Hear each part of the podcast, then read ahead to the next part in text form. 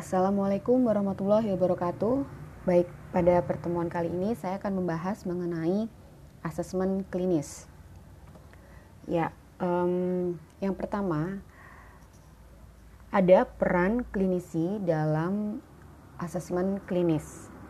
Ya, peran sentral klinisi yang melaksanakan asesmen adalah menjawab pertanyaan-pertanyaan tertentu dan membantu dalam mengambil keputusan yang relevan. Untuk memenuhi peran ini, klinisi harus mengintegrasikan beragam data dan pengetahuan yang beragam ke dalam uh, suatu fokus gitu ya. Jadi fokusnya asesmen ini gitu. Jadi mereka tidak sekedar mengadministrasikan dan memberikan skor tes.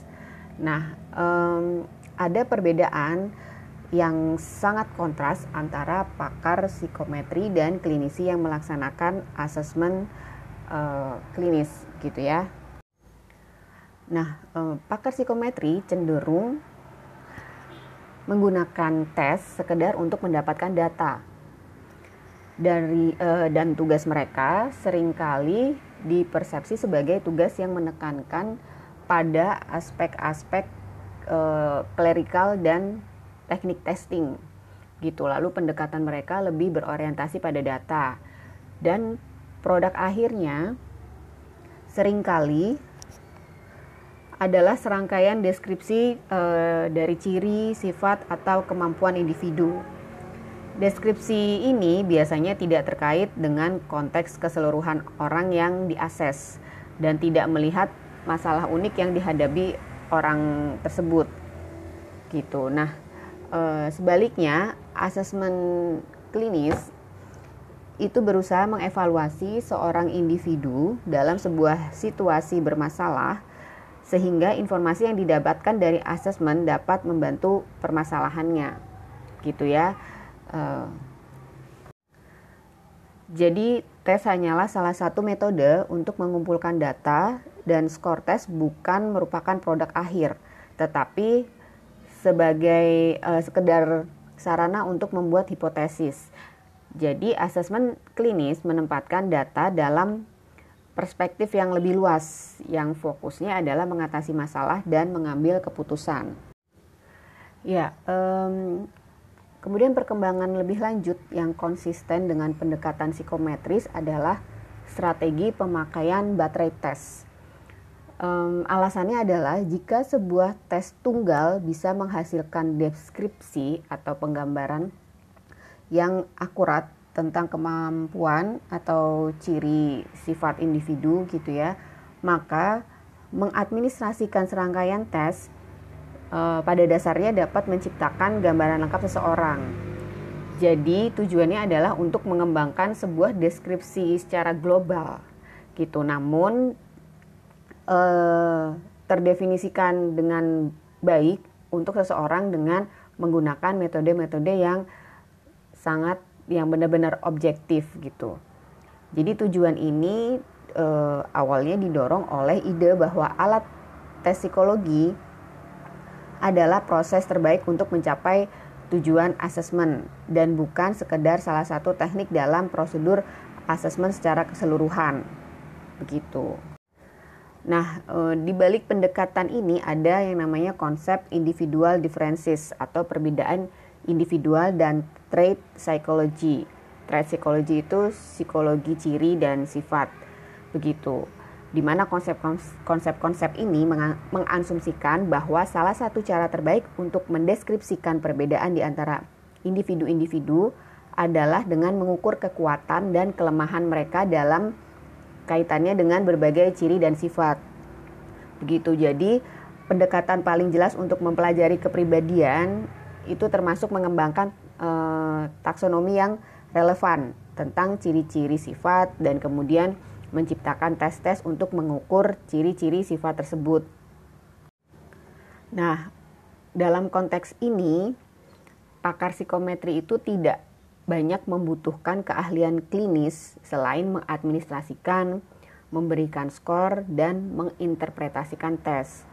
Menurut pandangan tersebut, Tes-tes yang paling disukai adalah tes-tes yang dikonstruksikan secara betul salah atau pilihan ganda yang dapat diskor dengan mesin gitu ya.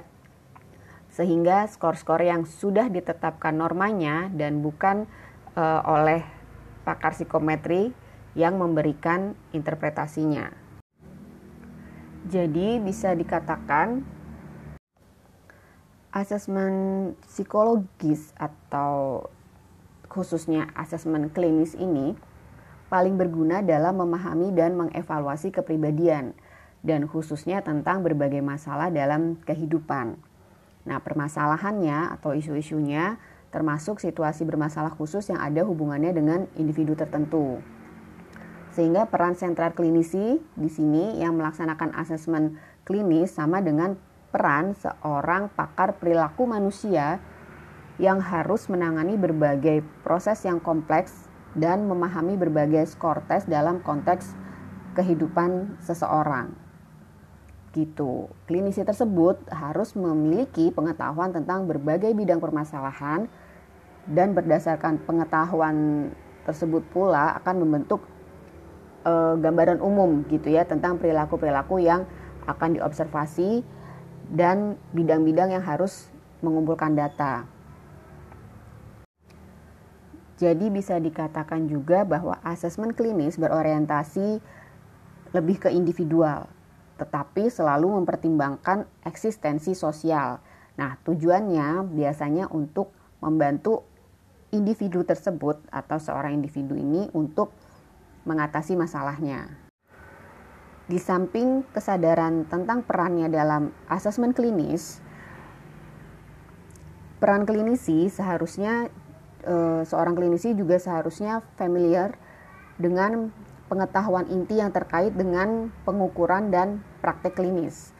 Nah, pengetahuan ini termasuk mengenai statistik tentang reliabilitas, e, termasuk ada e, kemampuan untuk um, mengetahui kesalahan pengukuran begitu ya.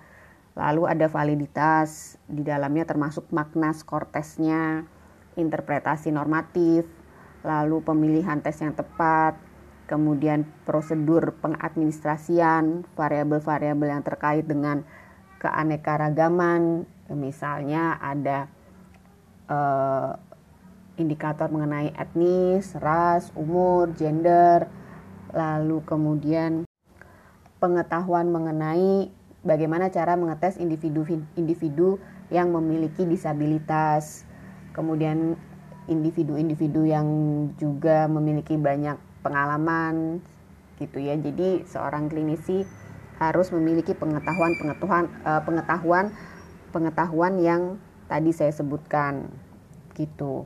Nah, pelaksanaan asesmen klinis seharusnya memiliki pengetahuan dasar yang terkait dengan berbagai permintaan atau tuntutan gitu, tipe-tipe pertanyaan rujukan dan ekspektasi dari berbagai macam konteks, terutama misalkan konteksnya ketenaga kerjaan, pendidikan, eh, vokasional atau karir, perawatan kesehatan, termasuk di dalamnya psikologi, psikiatris, medis, dan forensik.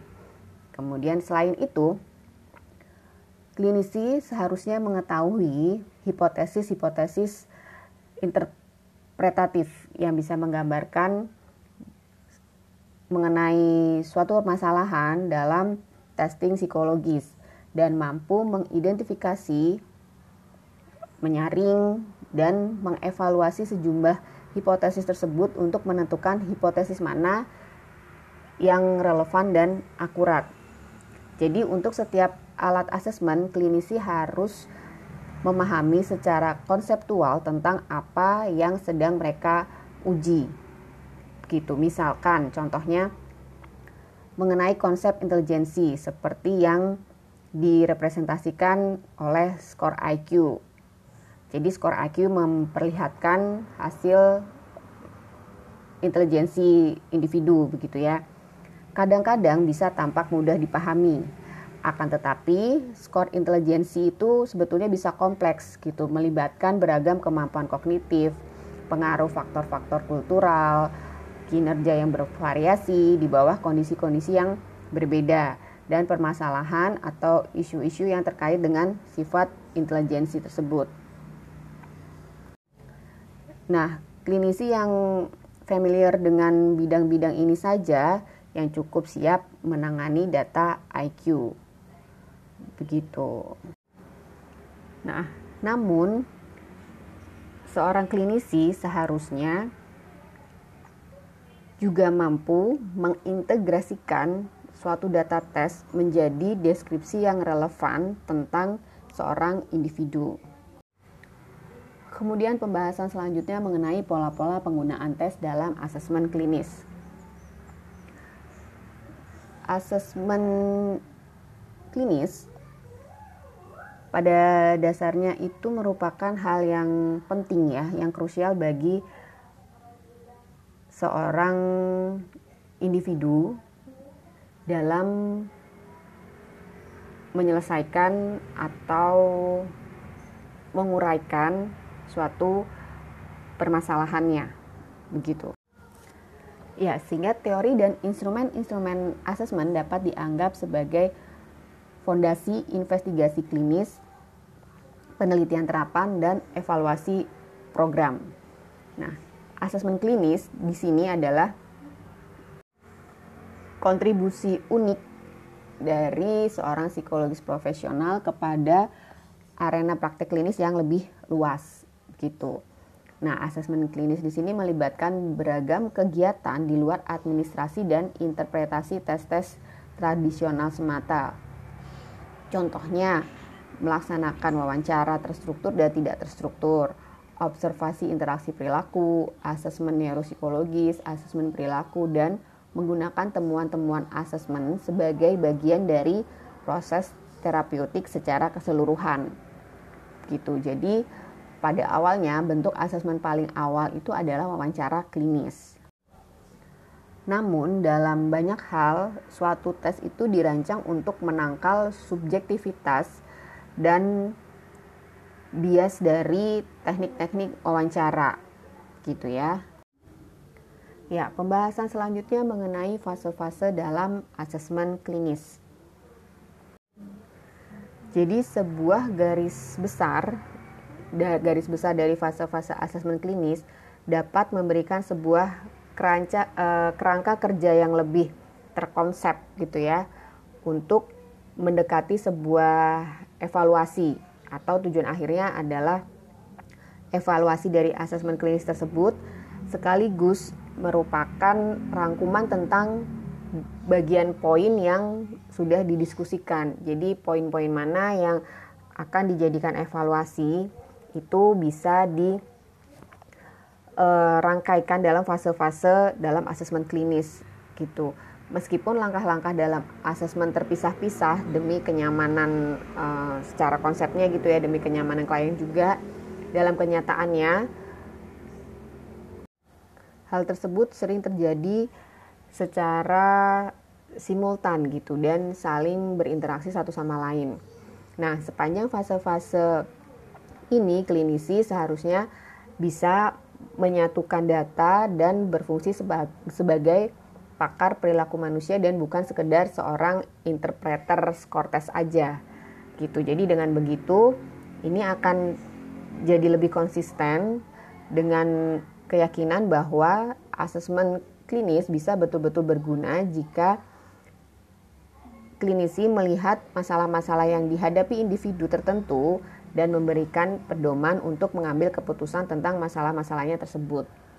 Gitu. Jadi fase-fase dalam asesmen klinis ini ada yang pertama mengevaluasi pertanyaan rujukan.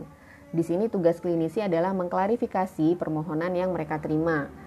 Gitu. Jadi ada permohonan permo, permohonan rujukan, mereka lihat kembali lalu diklarifikasi. Yang kedua, klinisi memahami kosakatanya dari model konseptual, dinamika, ekspektasi, referral setting. Referral setting itu lingkup rujukan ya. Kemudian klinisi diminta untuk menjawab pertanyaan-pertanyaan spesifik dari isi rujukan tersebut. Kurang lebihnya seperti itu. Yang kedua, fase dalam asesmen klinis itu memperoleh pengetahuan yang berhubungan dengan isi permasalahannya. Ya, dalam memperoleh pengetahuan yang berhubungan dengan isi permasalahannya, sebelum uh, sebelum memulai prosedur testing yang sesungguhnya, penguji seharusnya mempertimbangkan dengan cermat permasalahannya. Kebenaran data tes yang akan mereka gunakan dan aplik, uh, aplikasi yang lebih spesifik begitu ya mengenai tes tersebut untuk situasi seorang individu. Nah, persiapan ini mungkin membutuhkan acuan terhadap manual tes dan sumber-sumber e, dari luar sebagai tambahan data.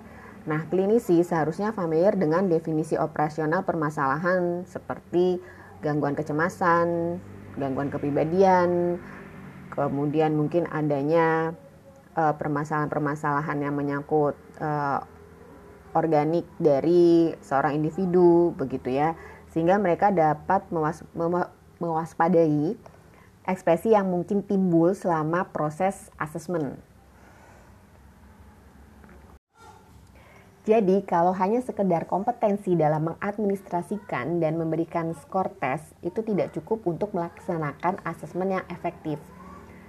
Contohnya, pengembangan sebuah skor IQ itu belum tentu mengindikasikan bahwa seorang tester atau penguji menyadari perbedaan intelijensi atau keterbatasan alat asesmen. Nah, di sini sangat penting bahwa klinisi memiliki pengetahuan mendalam tentang variabel-variabel yang mereka ukur. Kalau tidak, evaluasi mereka kemungkinan besar akan sangat terbatas. Kemudian fase dalam asesmen klinis yang selanjutnya adalah pengumpulan data. Setelah mengklarifikasikan pertanyaan rujukan dan mendapatkan pengetahuan yang terkait dengan permasalahannya, klinisi kemudian dapat melanjutkan dengan pengumpulan informasi aktual. Hal ini bisa datang dari berbagai sumber. Yang paling sering adalah skor tes, riwayat pribadi, observasi perilaku, dan data wawancara. Klinisi juga menganggap ada gunanya untuk mendapatkan catatan sekolah, observasi-observasi dari pemeriksaan psikologi sebelumnya, catatan medis, misalkan boleh juga dari laporan polisi atau mendiskusikan klien dengan orang tua atau guru. Nah, penting untuk disadari bahwa tes itu adalah sekedar sebuah alat atau sumber tunggal untuk mendapatkan data jadi riwayat kasus sama pentingnya karena memberikan konteks untuk memahami permasalahan klien saat ini dan melalui pemahaman ini akan membuat skor-skor tesnya mempunyai makna gitu ya. Baik, fase selanjutnya adalah menginterpretasi data. Jadi produk akhir asesmen seharusnya adalah deskripsi tentang tingkat fungsi klien saat ini dan pertimbangan-pertimbangan yang berhubungan dengan prognosis dan rekomendasi penanganan gitu ya.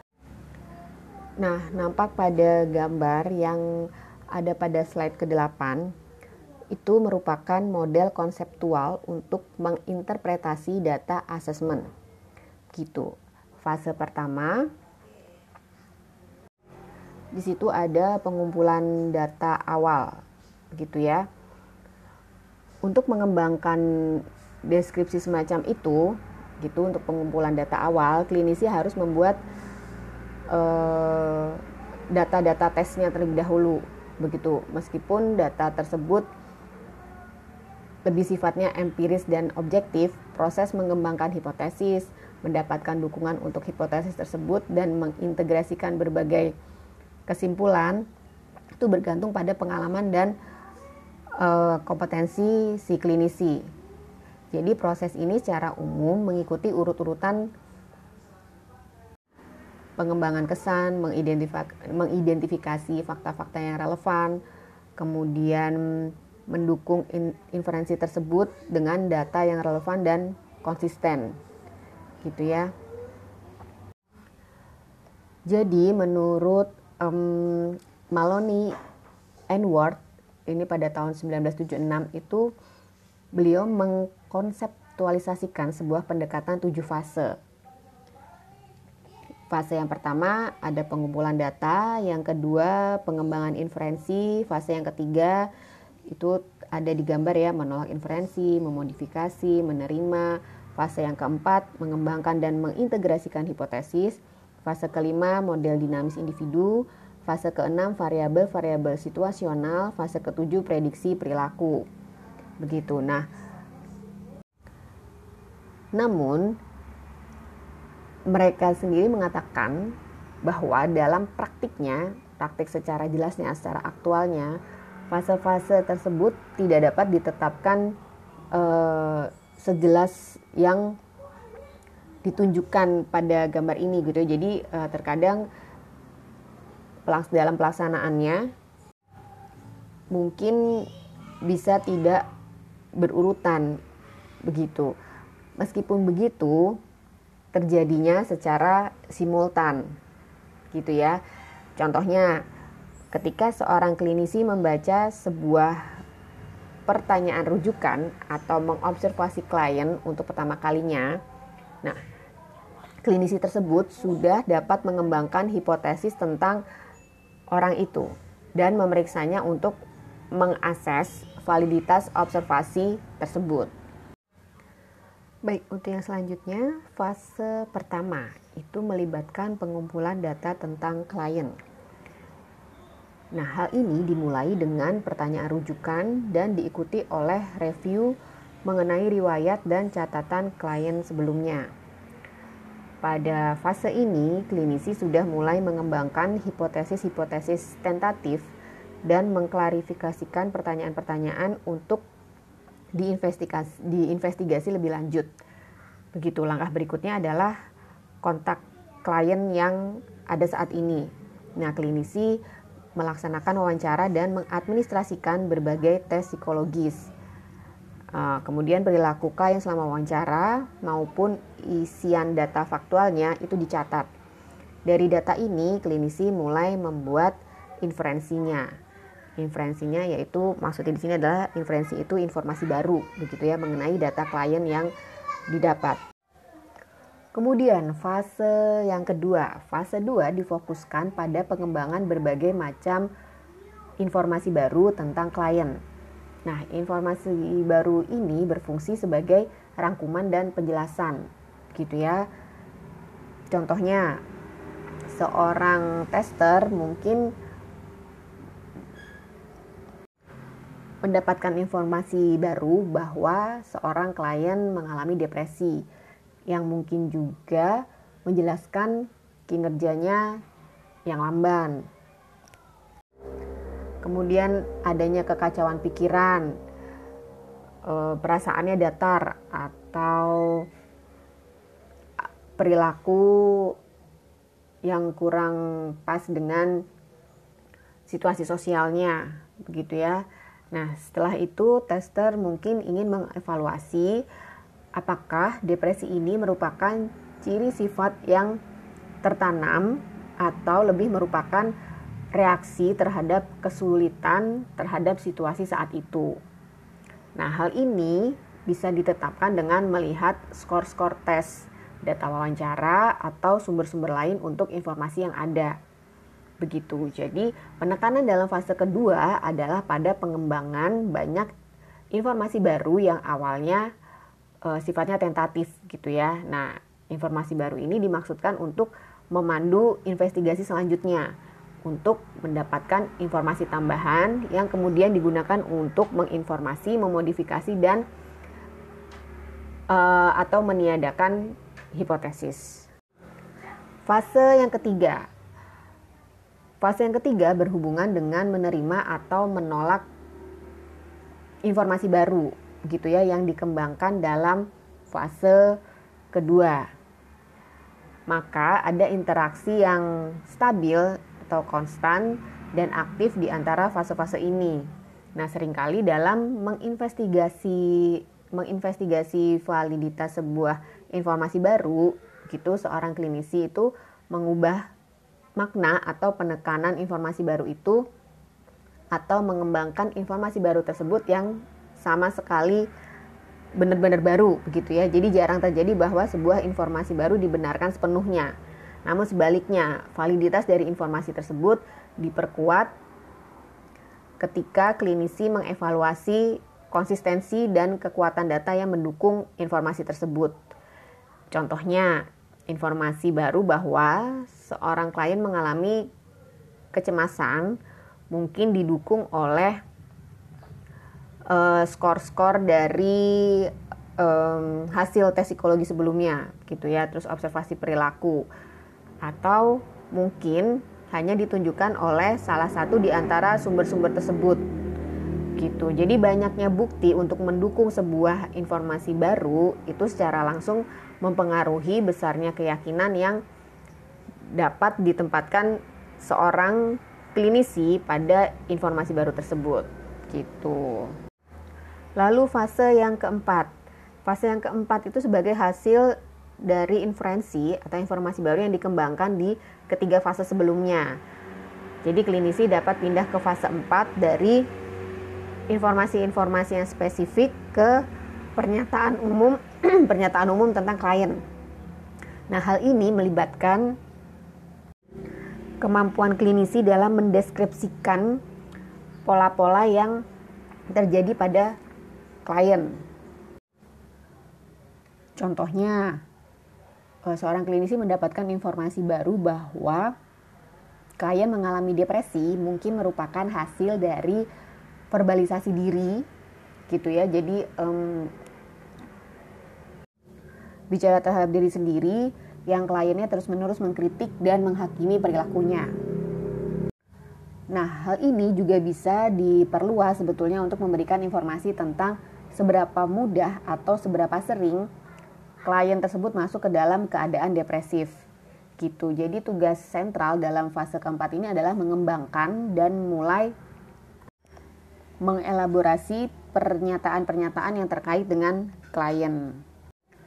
Mengelaborasi itu adalah tahap untuk melakukan analisis dan e, di mana kita berusaha untuk memperdalam kemampuan kita, begitu ya. Lalu fase kelima, Fase kelima melibatkan analisis lebih lanjut tentang berbagai ciri sifat individu. Begitu ya.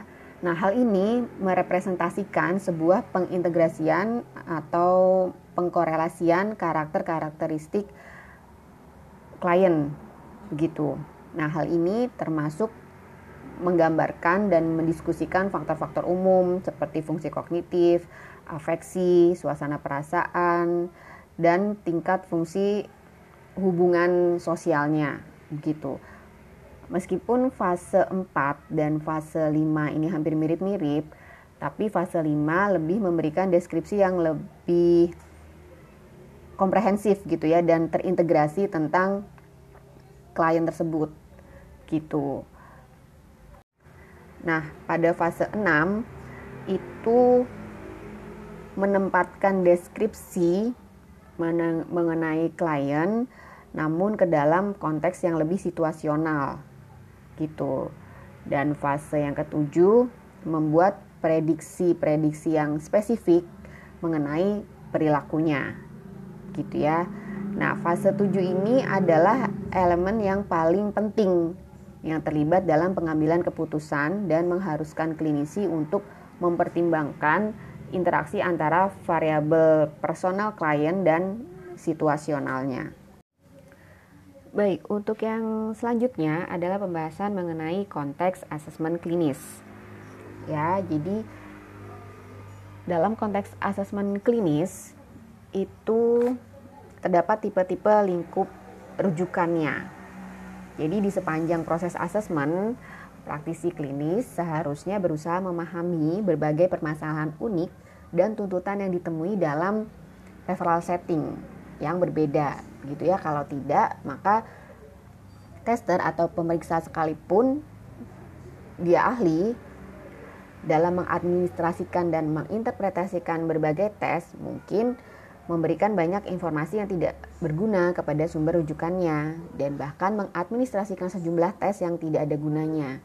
Begitu jadi, sebuah investigasi yang cermat tentang motif yang mendasari suatu rujukan kadang-kadang dapat membawa ke penemuan bahwa evaluasi melalui testing itu tidak diperlukan. gitu. Jadi kesalahan dalam interpretasi tes itu sering kali terjadi karena klinisi tidak merespon pertanyaan rujukannya dalam konteks yang lebih luas. Begitu sebaliknya, permintaan untuk testing psikologis itu sering kali dikemukakan dengan cara yang kurang jelas juga gitu. Misalkan saya menginginkan sebuah evaluasi psikologis tentang uh, si X gitu ya. Atau uh, maukah anda mengevaluasi si X ini karena ia mengalami banyak kesulitan di sekolah. Nah, permintaannya itu jarang menyebutkan pertanyaan spesifik yang harus dijawab atau sebuah keputusan yang harus diambil. Gitu. Nah, padahal kenyataannya di sinilah posisi sumber rujukannya. Gitu. Jadi sebagai contoh seorang administrator sekolah gitu ya, mungkin membutuhkan testing untuk mendukung sebuah keputusan penempatan seorang guru gitu uh, maaf bukan penempatan seorang guru uh, penempatan seorang siswa tersebut gitu nah seorang guru ini mungkin ingin membuktikan kepada orang tua siswa bahwa anak mereka memiliki sebuah masalah serius gitu ya atau gangguan belajar tertentu begitu. Nah, di sini motif yang tampak di permukaan dari sebuah organisasi untuk meminta testing itu terkadang kurang jelas begitu ya. Nah, klarifikasi yang lebih jelas dibutuhkan sebelum klinisi dapat memberikan informasi mengenai suatu permasalahan.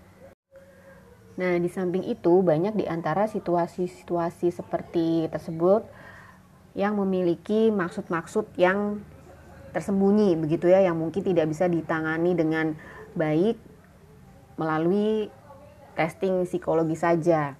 Begitu. Nah, salah satu pertanyaan paling berguna untuk menghadapi isu-isu seperti tersebut di atas atau permasalahan seperti yang tadi saya jelaskan itu adalah menanyakan keputusan apa saja yang perlu diambil tentang si klien gitu.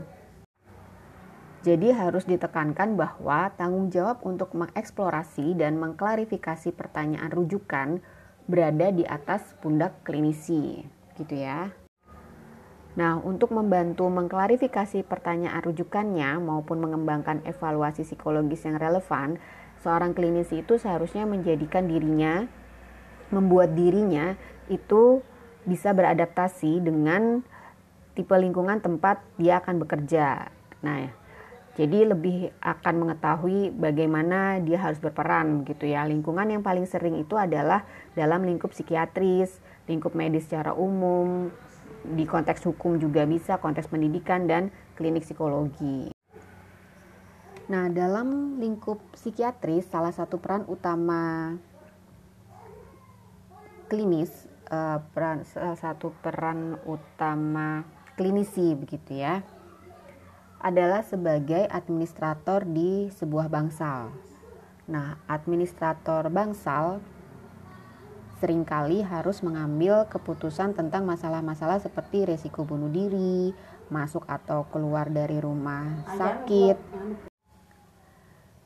dan ketepatan berbagai macam prosedur medis begitu ya. Jadi Sembari mempertahankan tanggung jawab utamanya, seorang psikiater atau klinisi itu sering kali menggunakan informasi dari orang lain untuk membantu dalam berbagai keputusannya. Untuk selanjutnya, tipe lingkup rujukan dalam lingkup medis umum. Nah, diperkirakan bahwa sebanyak um, 2 per 3 pasien yang ditemui dokter itu memiliki kesulitan psikososial. Dan di antara mereka yang dengan jelas diberi diagnosis medis itu 25% sampai 50%-nya memiliki gangguan psikologis tertentu selain masalah medis tentunya. Nah, sebagian besar kesulitan psikologis ini itu tidak didiagnosis atau dirujuk untuk mendapatkan penanganan. Begitu. Di samping itu, banyak gangguan medis tradisional gitu ya seperti penyakit jantung koroner, asma, alergi, dan sakit kepala gitu ditemukan memiliki sebuah komponen psikososial gitu. Jadi faktor-faktor psikologis bukan hanya terkait dengan penyakit yang sama pentingnya mereka berhubungan dengan pengembangan dan pemeliharaan kesehatan.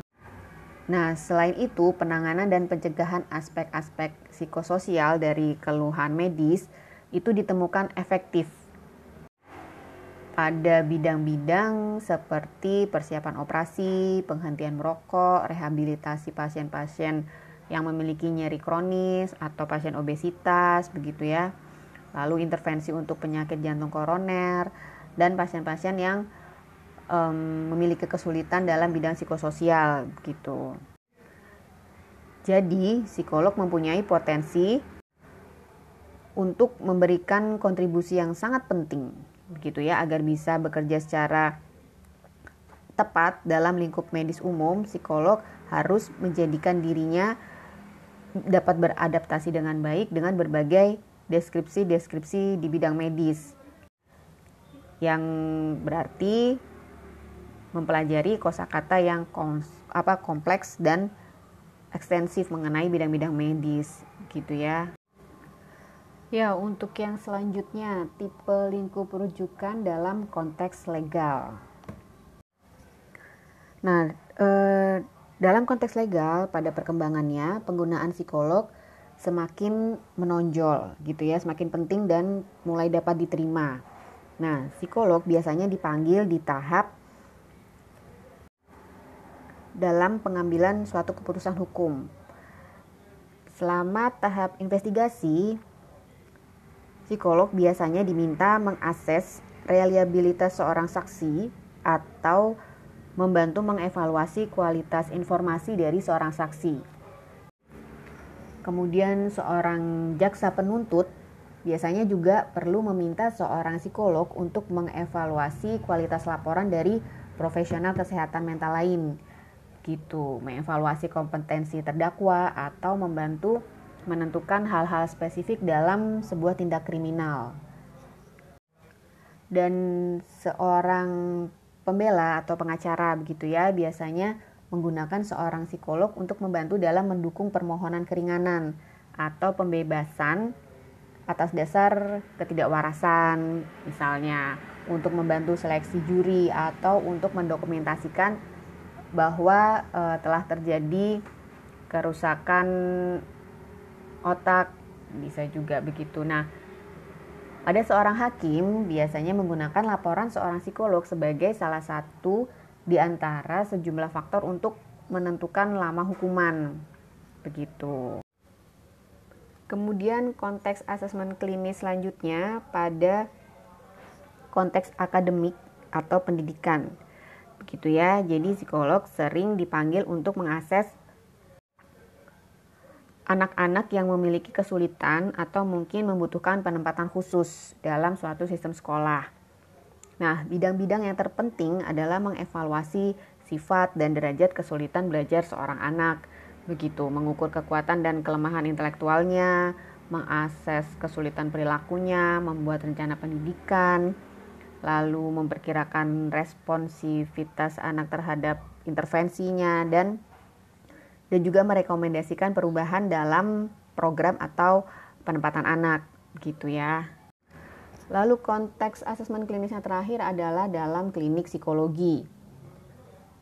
Nah, ini berlawanan dengan institusi medis, hukum dan pendidikan. Biasanya psikolog itu bertindak sebagai konsultan bagi pengambil keputusan gitu. Namun, psikolog yang bekerja di sebuah klinik psikologi sering kali merupakan pengambil keputusan itu sendiri. Jadi sejumlah tipe rujukan itu sering datang ke klinik psikologi. Mungkin yang paling sering adalah individu-individu yang merujuk dirinya sendiri dan ingin terbebas dari masalah psikologis. Nah, untuk kebanyakan individu ini, testing psikologis yang beragam dan kurang relevan pada kenyataannya mungkin dikontraindikasikan karena waktu yang dihabiskan untuk testing biasanya adalah waktu yang sebaiknya dipakai untuk penanganan. Baik, untuk selanjutnya yaitu praktik etis assessment. Pedoman etik merefleksikan nilai-nilai yang dianut oleh psikologi profesional. Hal ini termasuk keselamatan klien, kerahasiaan, reduksi penderitaan, keadilan, kejujuran, dan memajukan ilmu pengetahuan.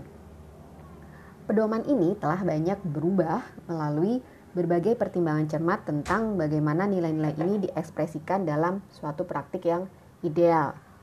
Sayangnya, banyak kode etik yang telah disempurnakan akibat konflik dan kritik yang terkait prosedur asesmen gitu ya. Jadi kritik diarahkan pada pemakaian tes dalam konteks-konteks yang tidak tepat, kerahasiaan, bias kultural, pelanggaran privasi, pelepasan data tes, dan pemakaian tes yang tidak divalidasi secara e, benar yang dilakukan secara terus-menerus. Begitu. Jadi kritik-kritik ini telah mengakibatkan berbagai pembatasan penggunaan tes-tes tertentu. Klarifikasinya yang jauh lebih dalam mengenai standar-standar etis dan meningkatnya e, skeptisisme publik gitu ya. Jadi untuk mengatasi masalah-masalah potensial ini dan melaksanakan asesmen-asesmen yang bermanfaat dan akurat, klinisi perlu memahami penggunaan etis berbagai alat asesmen gitu. Praktik etik asesmen yang selanjutnya yaitu mengembangkan hubungan profesional. Ya, asesmen seharusnya hanya dilaksanakan dalam konteks hubungan profesional yang telah ditetapkan dengan jelas. Hal ini berarti bahwa sifat, maksud, dan kondisi hubungannya didiskusikan dan disepakati. Biasanya, klinisi memberikan informasi yang relevan diikuti persetujuan yang ditandatangani oleh klien. Nah, informasi yang diberikan kepada klien biasanya berhubungan dengan tipe dan lamanya asesmen, prosedur alternatifnya, detail-detail yang berhubungan dengan appointment atau pilihan seseorang begitu ya, sifat dan batas-batas kerahasiaan, persyaratan finansial dan informasi tambahan umum yang mungkin relevan dengan konteks uh, dari asesmen tersebut begitu. Nah, untuk pedoman, format dan formulir-formulir spesifik itu biasanya digunakan untuk inform consent. Nah, inform consent itu nanti gimana akan saya jelaskan selanjutnya. Lalu dalam mengembangkan hubungan profesional itu perlu adanya raport gitu, yaitu hubungan interpersonal yang empatik, penuh rasa percaya dan penerimaan sehingga testi tidak merasa terancam. Nah, asesmen atau pengetesan hanya dilaksanakan dalam konteks hubungan profesional yang jelas tadi ya, sifat, maksud, dan kondisi hubungannya didiskusikan dan disepakati seperti tadi sudah saya jelaskan. Ya, kemudian adalah inform consent. Nah, inform consent itu berarti eh, atau artinya adalah persetujuan yang ditandatangani oleh klien. Di dalamnya ada tipe dan namanya asesmen, prosedur alternatif, sifat dan batas kerahasiaan, serta informasi tambahan terkait asesmen. Nah, konsepsi yang jelas tentang alasan-alasan spesifik untuk mengetes klien itu juga terdapat dalam informed consent, di mana di dalamnya melibatkan jenis-jenis data dan kemungkinan penggunaan datanya. Lalu sifat dan maksud tes juga dideskripsikan secara umum. Informasi yang diambil oleh seorang psikolog dari sumber apa pun hanya dapat dibuka dengan seizin klien. Itu menurut American Psychological Association. Untuk peran etik asesmen selanjutnya adalah pelabelan. Ya, jadi ketika individu diberi diagnosis medis untuk penyakit fisik, stigma sosial biasanya relatif lebih ringan kalau diagnosisnya terkait dengan medis. Nah, hal sebaliknya terjadi dengan konsekuensi yang secara potensial merusak dari banyak diagnosis psikiatris. Jadi diagnosis psikiatris itu kecenderungannya lebih memiliki uh, sifat yang bisa merusak perkembangan individu begitu ya.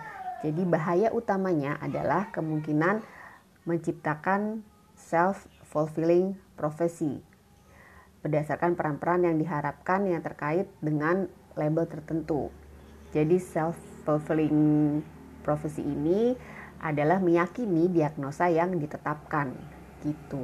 Jadi kalau dalam diagnosa psikiatris itu bisa membentuk suatu paradigma atau pemikiran klien gitu ya. Lalu praktik etik assessment yang kelima adalah penggunaan instrumen tes dengan kompeten. Ya, untuk mengadministrasikan dan menginterpretasikan tes-tes psikologi dengan tepat, seorang tester hanya harus memiliki latihan yang baik, yang pada umumnya mencakup um, kuliah pada tingkat tertentu, gitu ya, tingkat sampai tingkat graduation, gitu. Nah, di dikombinasikan dengan pengalaman di bawah supervisi yang cukup bisa dipertanggungjawabkan gitu. Jadi eh, klinisi juga seharusnya memiliki pengetahuan tentang tes-tes dan keterbatasannya dan seharusnya mau menerima tanggung jawab untuk penggunaan tes yang kompeten.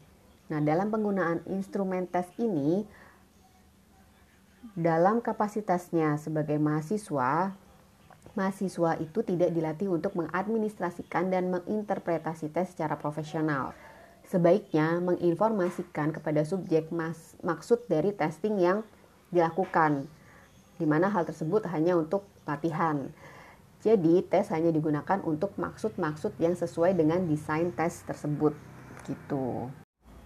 Lalu untuk yang selanjutnya, praktik etik asesmen yang keenam adalah interpretasi dan penggunaan hasil tes menginter menginterpretasikan hasil tes bukan merupakan prosedur mekanis sederhana. Interpretasi akurat artinya tidak hanya sekedar menggunakan norma-norma dan cut-off scores. Cut-off scores itu adalah batasan skor. Tetapi juga mempertimbangkan karakteristik unik seseorang yang dikombinasikan dengan aspek-aspek yang relevan dari tes itu. Jadi semua interpretasi dan rekomendasi adalah tanggung jawab klinisi di mana menempatkan tanda tangan pada laporan itu sama halnya klinisi bertanggung jawab atas isi laporan tersebut. Gitu ya. Untuk yang selanjutnya, mengkomunikasikan hasil tes. Psikolog sebaiknya selalu memberikan umpan balik kepada klien dan sumber rujukan tentang hasil-hasil asesmen.